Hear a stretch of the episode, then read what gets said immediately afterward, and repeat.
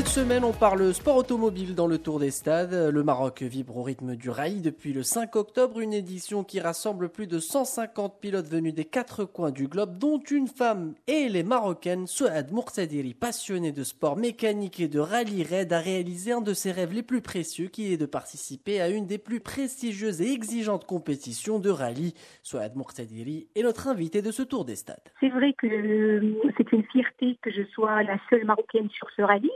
Mais surtout, la deuxième fierté que j'ai eue, c'est que je suis la seule femme pilote sur cette émission. Vous êtes une passionnée euh, euh, des, sports euh, mécaniques. Parlez-nous un peu de comment vous avez fait pour vous retrouver au Rallye du Maroc, comment vos débuts avec les sports mécaniques? Je ne vais pas dire que c'est très simple. Je ne suis pas une passionnée de vitesse, non, pas du tout. Ça n'a pas démarré comme ça. Je suis passionnée de 4x4 par contre. La conduite du 4x4, c'est sur le, c'est au désert, c'est sur les dunes, c'est pas dans les, routes, euh, je vais dire, les routes godronnées. Donc, je suis passionnée de 4x4 surtout, de la découverte. Ça a démarré comme ça, petit à petit, avec mes voyages et tout. Je rencontre les gens qui sont dans le sport automobile et euh, que je côtoie beaucoup.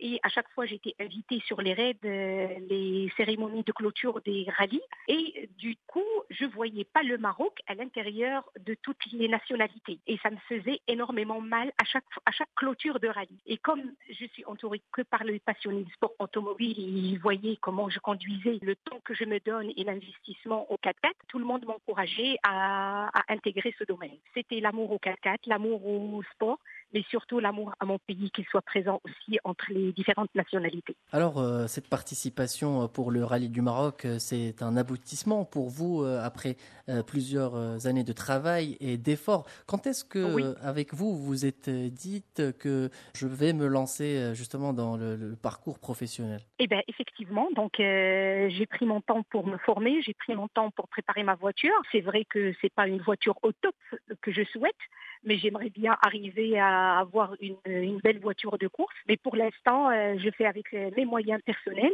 Alors euh, voilà, ben, c'est un projet qui a duré quand même quelques années.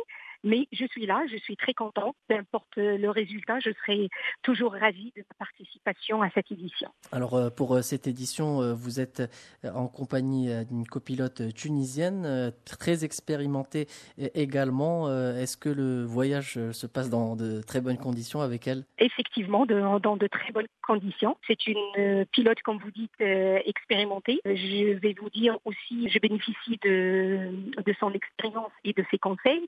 C'est une bonne coach et accompagnatrice, mais j'oublie pas à côté, c'est une grande amie. Comme euh, dernière question, euh, cette participation au rallye du Maroc, euh, comme vous l'avez dit, c'est un, aboutissement, une consécration, mais vous comptez pas vous arrêter en si bon chemin. Est-ce que vous avez tracé une feuille de route? Est-ce que vous avez des objectifs pour le futur? Sincèrement, bah, on, ne va pas se lancer sur un projet sans avoir des objectifs. J'ai des objectifs, mais maintenant j'attends les soutiens.